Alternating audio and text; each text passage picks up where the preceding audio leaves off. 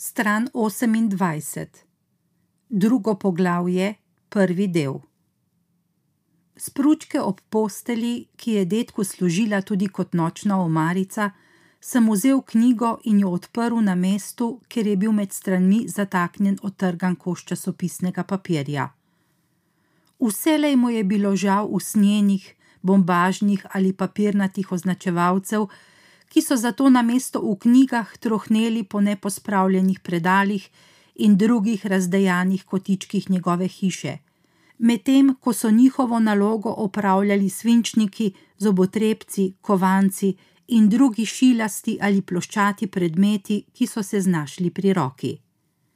Njegovo pozno življenje je bilo skupek nepomembnih detajlov.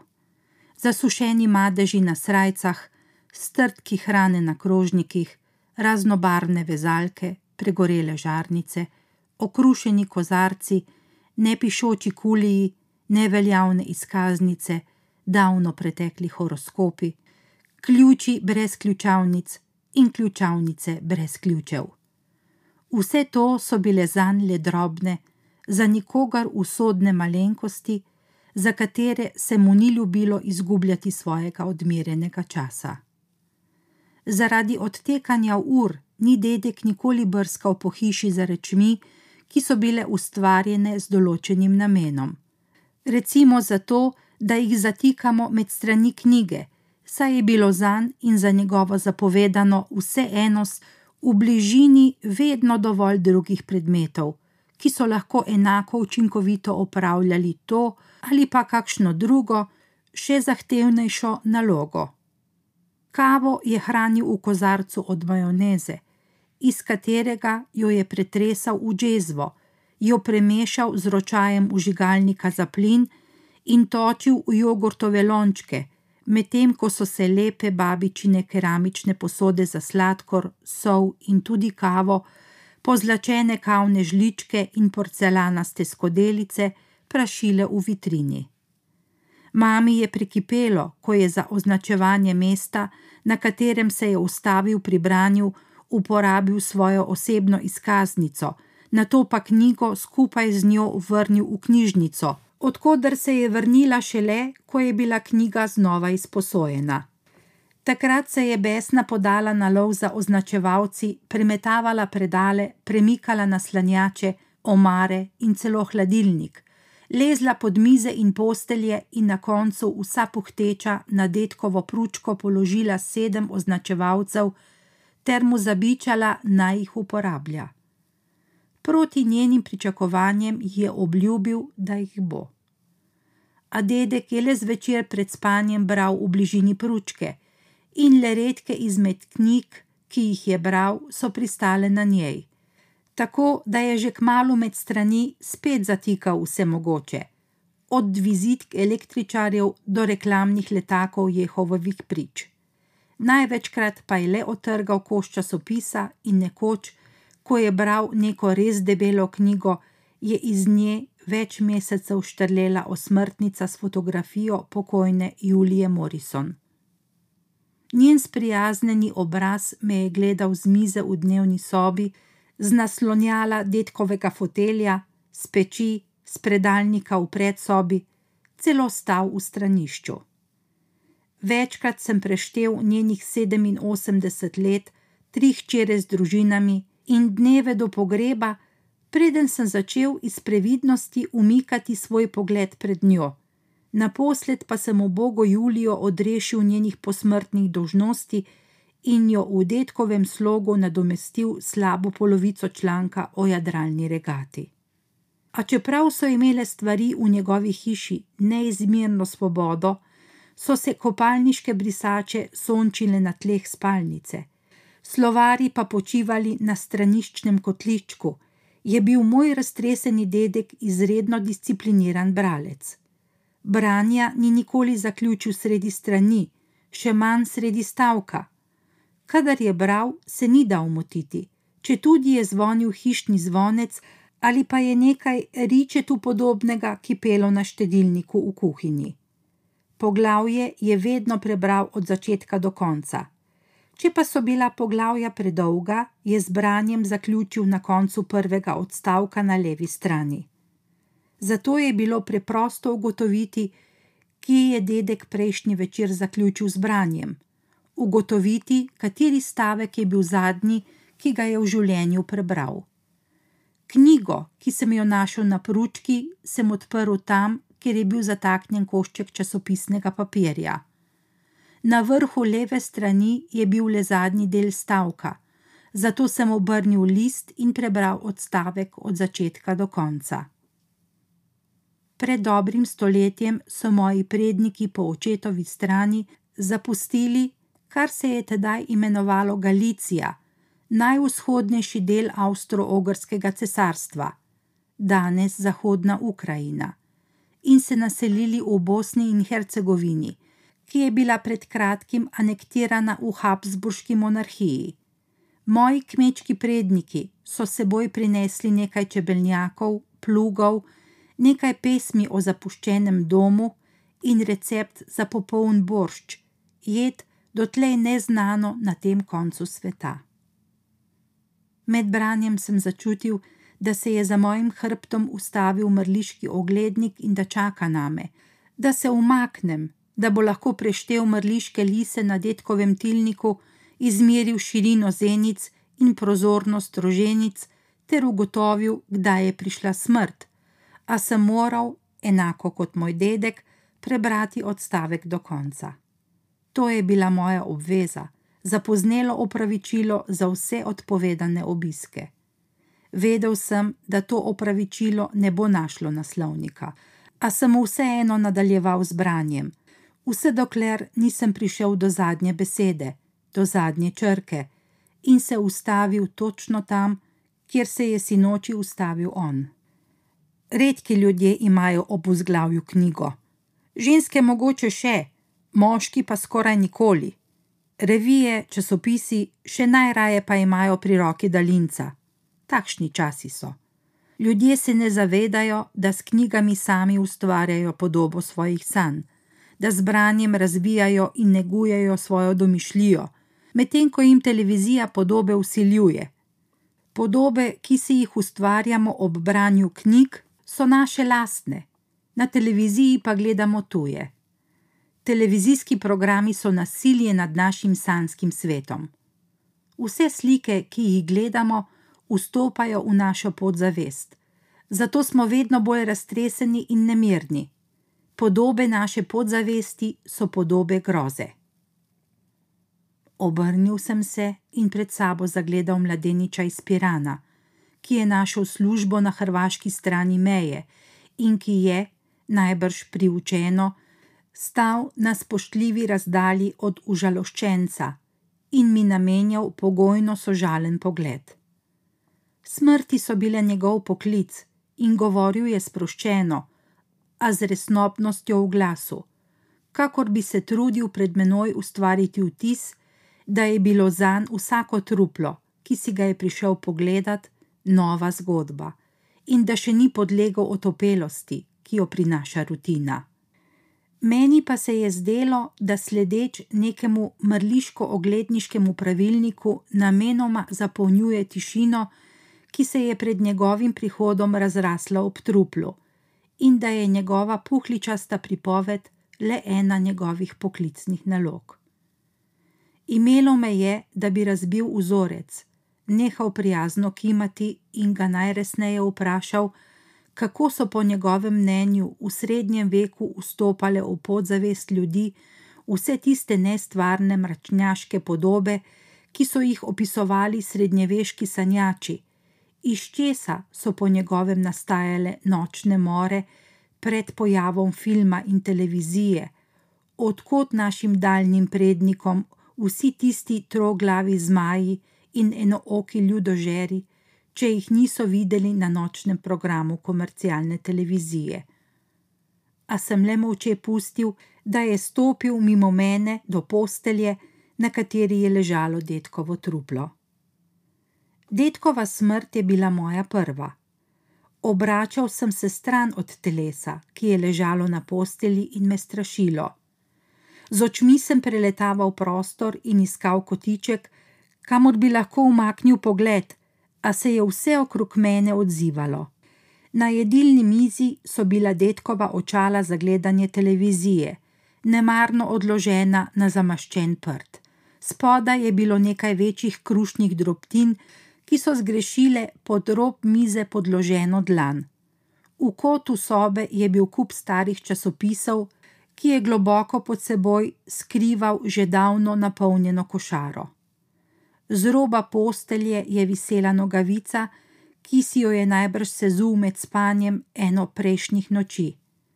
Pomislil sem, da je bil v njej verjetno še vedno ujet njegov von, njegov smrad, pa tudi luknja ali dve, ki so ju naredili njegovi slabo pristriženi nohti.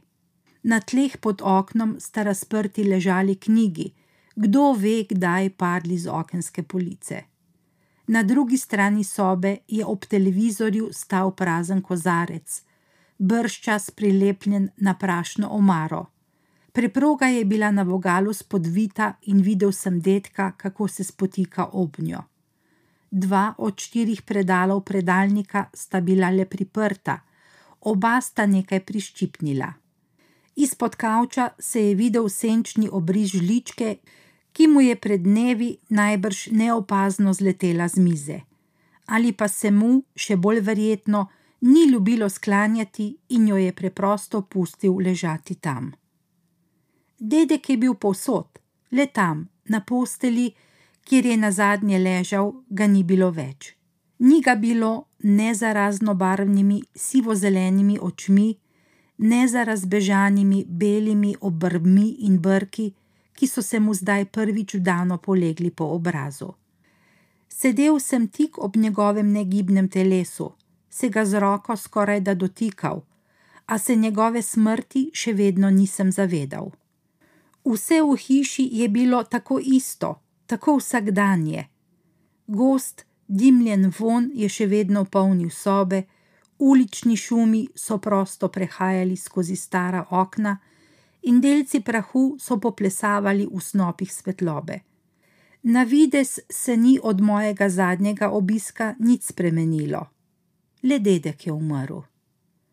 To sem si ponavljal in to je potrdil tudi mrliški oglednik. In mama je pokimala. Ko je umrla babica, je bilo vse drugače. Takrat sem prišel v hišo šele po pogrebu, ko je mama babičine stvari že pospravila. Hišo pa tako temeljito očistila, da je od babice ostala le slika nad njeno posteljo, na kateri si sploh ni bila podobna.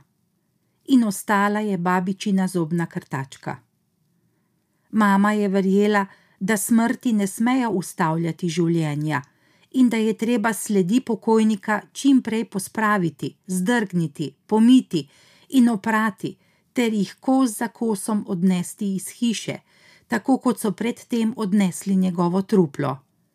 Tako je le dan po babičini smrti z njenimi oblekami napolnila stare usnjene kovčke, ki so na vrhovih omar potrpežljivo čakali svojo poslednjo pot, in jih odnesla na karitas, babičino bižuterijo je zmetala v plastično posodo od sladoleda in jo podarila sosedini vnukinji, kozmetiko pa je vrgla v smeti.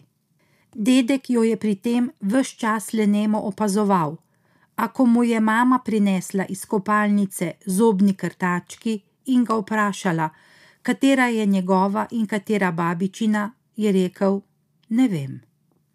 Misleč, da je ni razumel, mu je mama pojasnila, da bi rada vrgla babičino krtačko stran in naj ji prosim pove, s katero si umiva zobe on.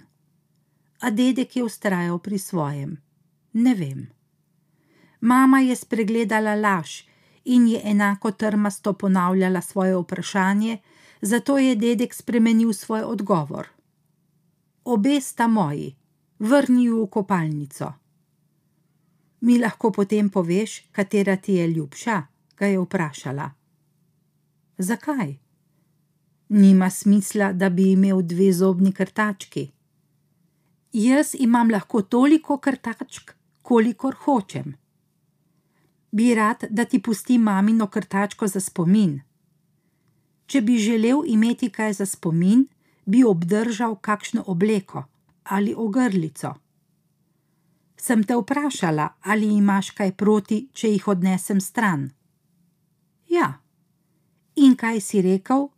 Da naj delam, kar hočem, a ne? Ja. Zakaj pa mi rečeš, da bi ti obdržal ogrlico ali obleko? Nisem tega rekel, Vesna. Kaj pa si rekel? Rekel sem, če bi hotel imeti nekaj za spomin. Če. In kaj je to, če ni očitek? Ni očitek. Kaj pa je? Ni očitek. Kadar je imela mama slabo vest, je grizla. Držala je zobni krtački pred detkovim obrazom. Tri sekunde imaš, da se odločiš, katera je tvoja, ker po treh sekundah ena od njiju leti naravnost v smeti. Jaz imam rad obe. Tri, dva, ena. Mama je spustila eno od krtačk iz rok, da je padla v vrečko s smetmi, v katero je zbirala odpisane reči. Dedek ni rekel nič, in mama je mislila, da je zgodba s krtačkami končana. A ko se je naslednji dan vrnila, je v lončku v kopalnici stala nova krtačka, ki jo je dedek kupil tistega jutra in s katero si je umival zobe vse do smrti.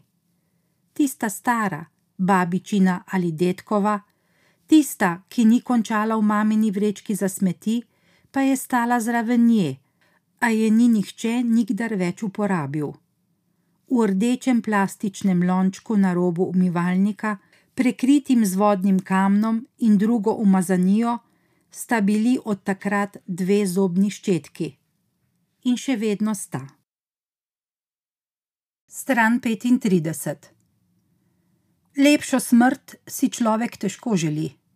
Umreti v spanju pomeni umreti brez bolečin. Temu rečemo kraljevska smrt. Tako je rekel mrliški oglednik, medtem ko se je obuval v predsobi. Bil je eden tistih, ki se sezujejo, če tudi jih domačini prepričujejo, da se ni treba.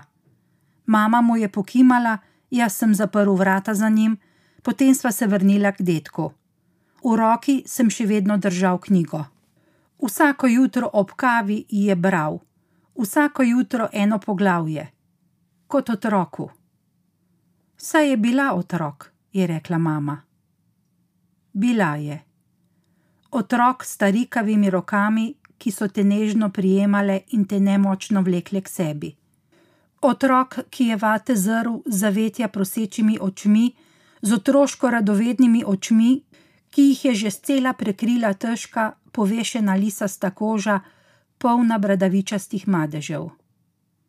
Spomnil sem se tega otroka iz zgodbe tete Maje, otroka, ki se je obrnil k svoji hčerki, ki se je pripeljala na kratek popodanski obisk in jo nagovoril s tihim, bojazljivim otroškim glasom: Gospa, a vi poznate mojo mamo? Da, je odgovorila moja teta, ki ni nikdar spoznala svoje stare mame Marije, Šivilje, ki je mlada umrla za tuberkulozo bi jo lahko poklicali, da pride po me, je rekla babica. Rada bi šla domov. Prestrašena Maja je začela klicati na pomoč, klicala je svojega očeta, za katerega je domnevala, da pozna odgovore na ta vprašanja, da ve, kaj reči temu betežnemu otroku, ki je sedel ob njej. Dedek je prestrašen pritekel iz kuhinje, A ko mu je Maja pojasnila, da želi babica videti svojo mamo, se je pomirjen obrnil k svoji ženi. Smo jo že poklicali, kmalo bo tu. Maja ni mogla razumeti te neznanske lahkosti laganja. Detkove besede so se ji zdele nedopustna prevara, nesramnost, ki si je ni babica z ničemer zaslužila.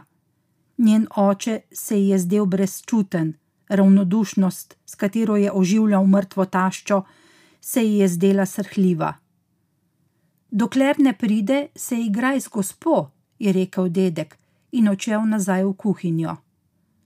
Maja je hotela zakričati za njim, a jo je babica prehitela.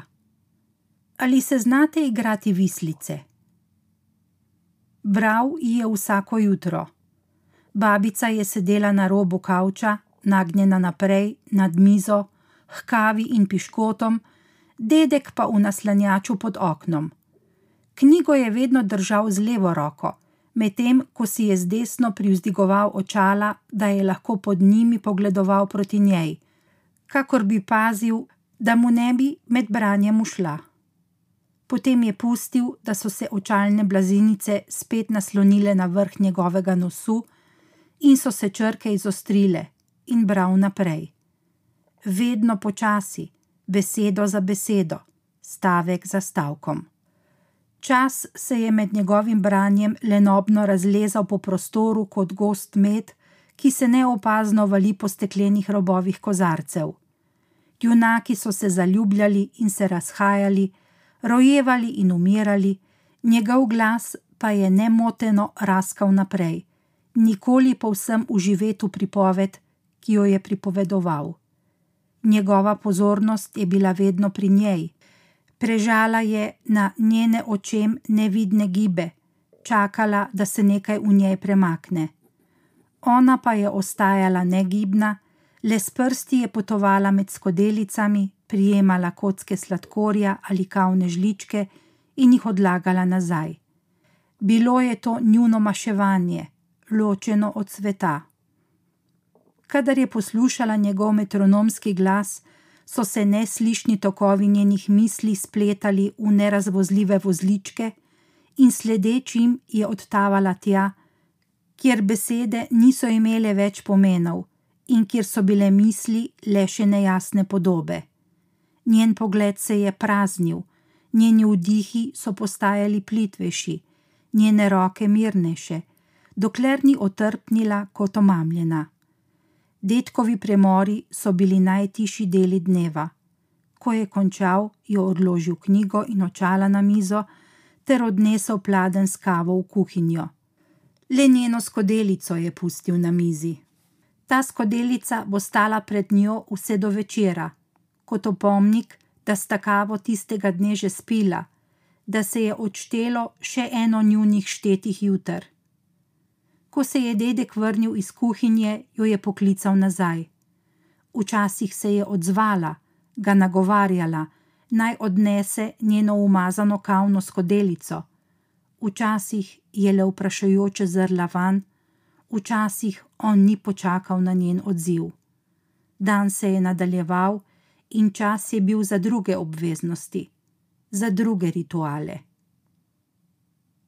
Niti treba biti sam da bi bil osamljen, mi je nekoč rekel, a tega stavka takrat nisem razumel, ali pa se ga nisem potrudil razumeti. Šel sem preko njega, preslišal, da je govoril o sebi, da je govoril o babičinem dolgem odhajanju, o odtekanju spominov, o svojem obupavanju.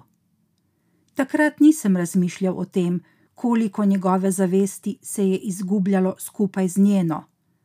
Nisem pomislil na to, da brez nje ni bilo več njiju, da je bila ona tista, ki je hranila njuno zgodovino, in da je moral vsa tista leta gledati, kako se mu vse to razblinja pred očmi, da je gledal, kako on v njej počasi umira.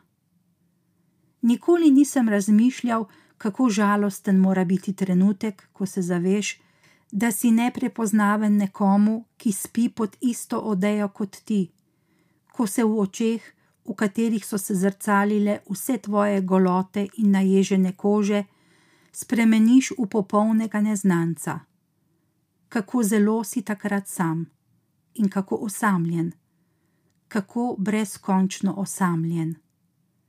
Mislil sem, skrajno naivno, kot vselej, kadar ne gre za nas same in za naše lastne bolečine, da je bilo za detka najtežje gledati trpljenje ugašajoče babice, se dan za dnem soočati z njeno pozabo, izumljati načine, da bi ne pozabila vzeti zelene tabletke pred kosilom in rumene pilule pred črno rdečo, v nedogled ponavljati, da je šele poldan in da, če zdaj zaspi, po noči ne bo mogla, ji predstavljati njeni hčeri, jo prepričevati, da ne laže in da sta res doma, da je hiša zares njuna.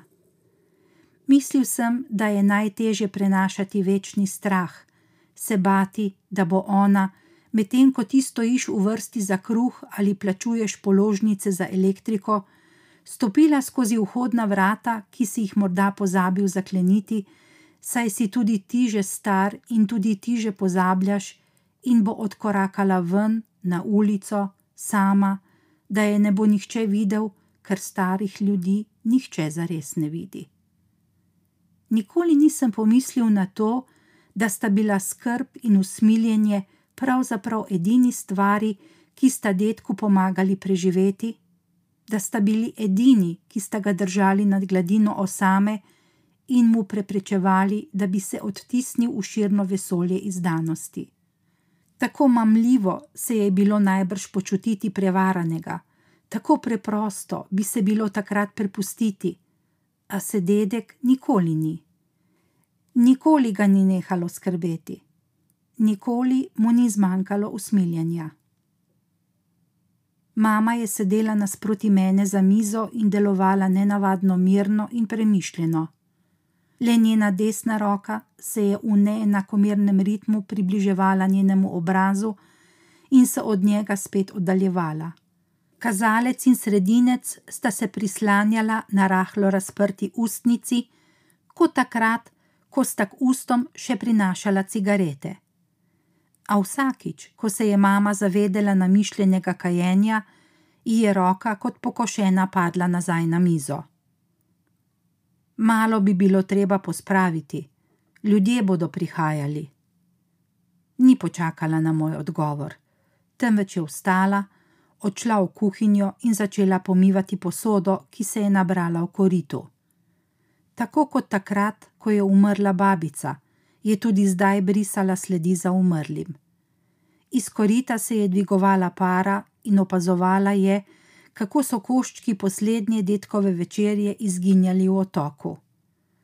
A kakor bi se zaradi nečesa premislila, je odložila še neoprano džezvo na pult in se skrpo, s katero si je brisala roke, vrnila v sobo. A veš, česa sem se zdaj spomnila? Saj ne vem, če bi smela to zdaj, ampak saj sva samo mi dva. Ko sem bila mlajša, ko sem še živela doma. Kaj jaz vem, ene petnajst sem jih morala imeti, takrat, ko sem res veliko brala, je imel eno zoprno navado, da če te je videl brat, če je recimo prišel zvečer iz službe in sem jaz v svoji sobi brala, je on prišel do mene in mi začel nekaj razlagati. Pa nič pomembnega, v bistvu same neumnosti in nikoli ni vprašal, ali moti. On ni takrat nikoli bral, ni imel časa za knjige. Mi, ki smo brali, smo mu šli pa kar malo na živce, ker se je on želel pogovarjati. Rad se je pogovarjal z nami. Zdaj pa poglej, vse te knjige. Umrl je s knjigo v roki. Pa sploh se ne spomnim, kdaj sva se na zadnje pogovorila, tako zares pogovorila. Takrat se je res vse spremenilo. Tisti njegov Egipt ga je spremenil, njega in njo, vse nas. Kakor bi se cel Kajro urinil med njega in preostanek sveta, ga oddaljil od nas.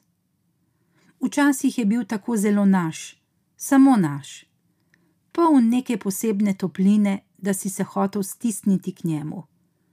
Vem, da se to sliši čudno, a nekaj ženskega je bilo v njem, nekaj tako nežnega, milega. Potem pa, čeprav sem vedel, da si mama ne bo dovolila zajokati, sem stopil do nje in jo objel. Ni bila človek objemal, a se je naslonila name in mi roki ovila okoli ramen. Za trenutek sva obstala sredi prostora in časa, in ona je pustila, da ji je krpa spovzela iz rok in padla na tla. Hišni zvonec sredi noči me je presenetil in obsedel sem v prepričanju, da bo ponočnjak, kdorkoli že je, ko bo spoznal svojo zmoto, nadaljeval svojo pot. A na to je spet pozvonilo, in ko je mama vstala in nejevoljno krenila k vratom, se mi je posvetilo, kdo stoji pred njimi. Odpiranju vrat je sledila dolga tišina. Ukopan na napačnem položaju sem lahko le oddaleč opazoval mamo, kako stoji pred vrati, in si predstavljal podobno nepremični postavi na drugi strani. Za trenutek sem se ustrašil, da jo bo mama pustila zunaj, česar je bila zagotovo zmožna, kljub mrtvecu, ki je ležal ob meni, a se je na to vendarle pomaknila nazaj. Še vedno je stala sredi male hišne veže, v kateri so se ljudje težko zrinili drug mimo drugega, oziroma se sploh niso mogli, če je bil eden teh ljudi teta Maja, kar je pomenilo, da obiskovalca še vedno ne moreta vstopiti v hišo. Vstopiti je namreč pomenilo zaleteti se v mamo ali se vsaj obregniti ob njo, kar bi bil prvi dotik sprtih sester po več kot sedmih letih. Ko se je mama odmaknila, je Maja prestopila prak, tako da sem jo lahko videl, a je nerodno obstala in ni vedela, ali bi šla naprej, ali pa bi počakala, da se mama še bolj umakne.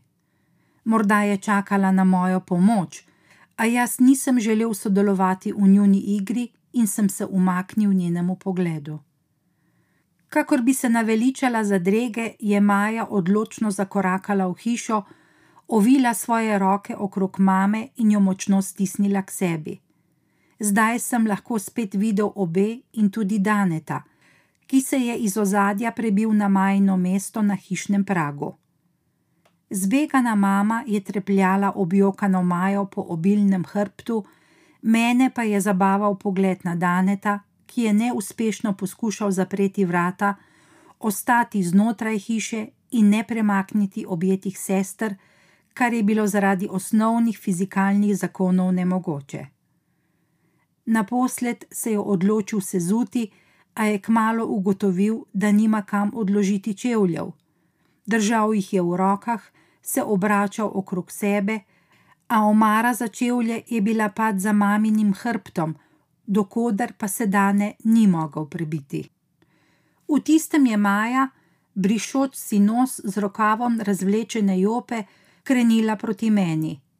Z Danetom sta bila odnegdaj neskladen par. On uradniško polikan, ona pa je bila tudi v večerni obleki in sveže urejeno pričesko videti zanemarjena. Ni bila le debelost, iz nje je vela dotrajanost, kakor bi se v gospe iz kadrovske službe pedagoške fakultete kopičile skrbi njenega moža, državnega sekretarja na ministrstvu za notranje zadeve. Zakaj ga niste pokrili? Maja se je obrnila k meni, a jaz nisem o pokrivanju pokojnikov vedel nič in sem celo sumil, da je to eden običajev, nezavedno povzetih iz ameriških filmov. Nisva hotela, dokler ti ne prideš, je rekla mama, ki je začutila, da je bilo majno vprašanje namenjeno njej. Mama me je navduševala z lahkotnostjo, s katero se je znala poigravati z ljudmi. Znala je uganiti, kaj so ljudje želeli slišati, in kadar je bila pri volji, jim je postregla z vrhunsko spontanostjo. Hvala. Maja je, ganjena zaradi izmišljene geste, spet zaihtela in hkrati začela vleči odejo iz podetkovega telesa. Mama ji je želela pomagati, a ji je Maja z roko pokazala, da bi to rada opravila sama. Težko mrtvo telo je odejo priščipnilo pod seboj in Maja, ki ga očitno ni želela premakniti, jo je košček za koščkom vlekla malo izpod stegen, nato malo izpod ramen in še malo izpod riti, kjer se je odeja seveda najtesneje zataknila. A Maja je ustrajala, midva z mamo in Dane, ki mu je medtem uspelo odložiti čevlje in vstopiti v sobo, pa smo jo molče opazovali.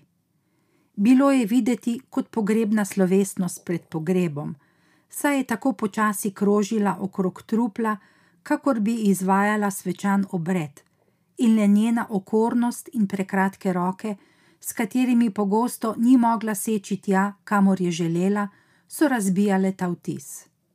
A ko je Maji končno uspelo izvleči odejo in je začela z njo pokrivati detka, sem se obrnil stran. Nisem bil pripravljen gledati prekrivanja njegovega obraza.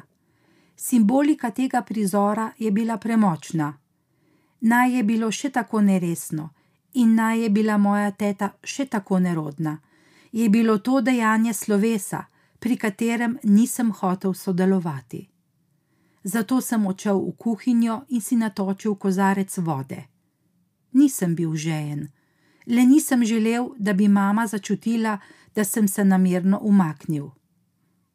Dane, bo šel lahko, preden greva z Jadranom v garažo po tisto mizo, o kateri sva govorila. Maja je rada določala, kaj mora biti storjeno, pa tudi kdo, kako in kdaj bo to storil. Dane se je vsaj v pričo mene ni upiral, kakor bi ponižno sprejemal svojo podrejenost. Pravzaprav je bilo nemogoče razumeti, kaj ju veže. To niso mogli biti otroci, saj sta bila Miha in Špela že dolgo odrezana od svojih staršev. Miha je z milijoni drugih tehničnih genijev v Silicijevi dolini ustvarjal krasni novi svet, Špela pa se je po številnih sporih z Majo odselila v postojno in je le redko prihajala v Ljubljano. Dane in Maja sta živela sama v zanju prevelikem stanovanju v Župančičevi jami, njuno sobivanje pa mi je ostajalo uganka. Saj morava kmalo iti potem pa pojdite takoj. Danes se je vdal v najnem imenu in me strzajem glave pozval naj mu sledim. Mama se je obrnila stran, ni se želela upletati in ni mi preostalo drugega, kot da grem z njim. Stran 43 Iz hiše sva zakorakala v gosto črnino, a sva shojeno pot preko vrta oba dobro poznala in drug za drugim sva hodila proti garaži, ne da bi počakala, da se najne oči prilagodijo in v temo izrišejo obrise hiše in dreves. Danetu se je mudilo, hotel je čim prej izpolniti zadano mu nalogo in se vrniti v Ljubljano. Luč nad garažo je bila prekrita z ožganimi telesci preradovednih vešč in ji oddajala šibko svetlobo. Danes se je ustavil pod njo in usmeril vanjo detkov debel šop ključev, ki so večinoma odklepali davno zamenjane ključavnice in odslužene avtomobile. Roke so se mu tresle. Ko je stopil bliže k vratom in začel ključe drugega za drugim utikati v ključavnico, je luč osvetlila njegov obraz in njegovo čelo se je zalesketalo od nabranih kapljic potu. Pizda, Dane je pobral ključe stav in začel znova. Tokrat se je zbral, ločil ključe, ki jih je že poskusil, od tistih, ki jih še ni, in kmalu našel tistega, ki je odklepal garažna vrata. Za vrati garaže so se prikazali kupi preživetih stvari, ki polnijo vse shrambe, lope, kleti in garaže tega sveta. Detkova garaža je bila le ena mnogih čakalnic za smetišče. Nekje vmes, med vso gnilo in zarjavelo šaro, je bila miza, po katero naj jo je poslala Maja, a v temi jo je bilo težko prepoznati. Dane je iz žepa vzel telefon, si osvetlil začetek poti pred nogami in zakorakal naprej, a že po dveh korakih se je moral ustaviti.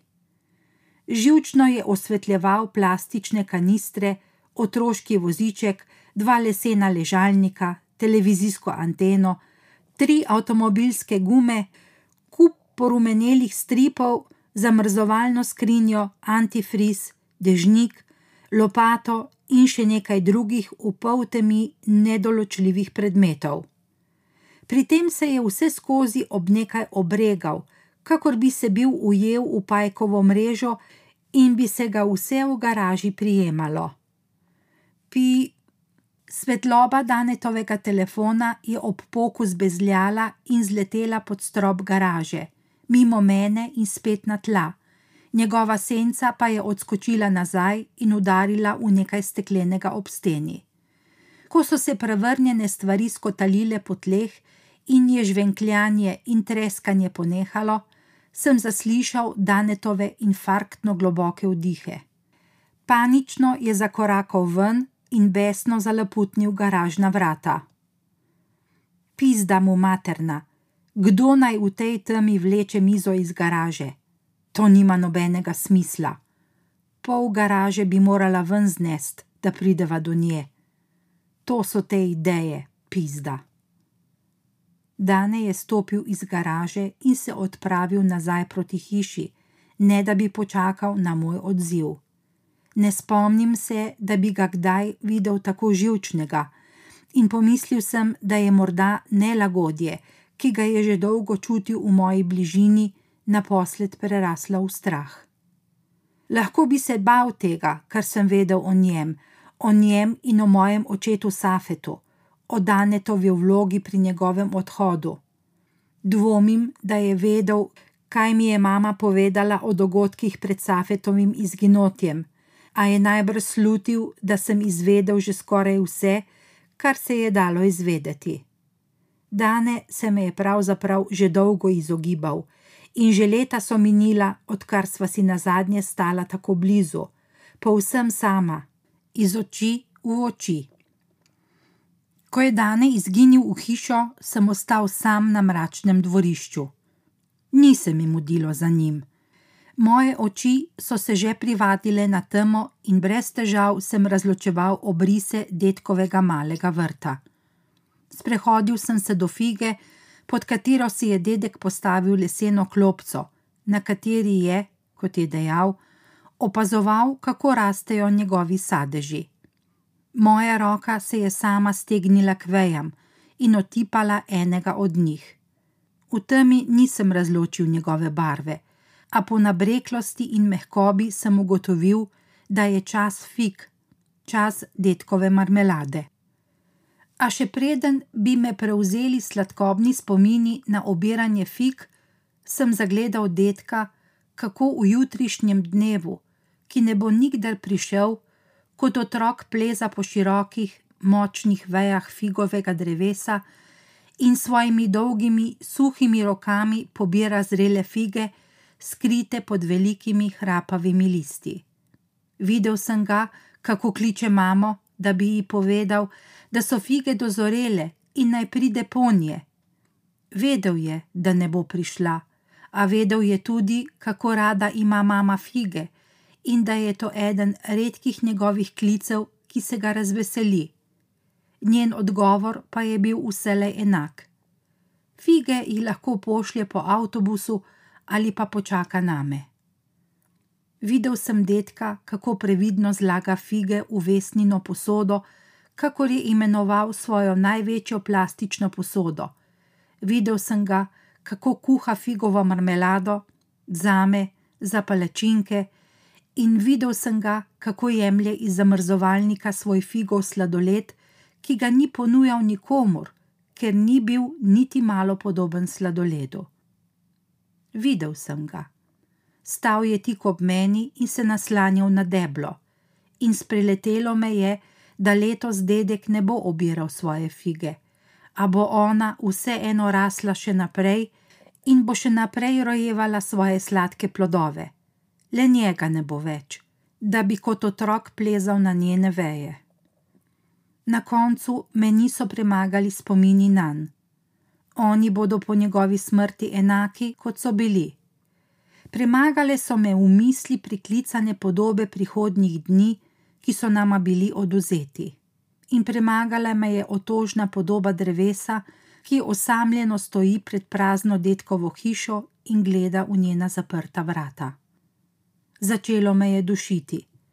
Pred seboj sem na tleh uzrl debelo, prezrelo figo, ki jo je teža nakopičenih sokov otrgala od veje. Gledal sem jo, kako žalostno trohni na tleh, in oči so se mi zameglile. Usedel sem se na tla, s hrbtom še vedno naslonjen na drevo, in spustil glavo v naročje. Detkova smrt me je naposled dosegla.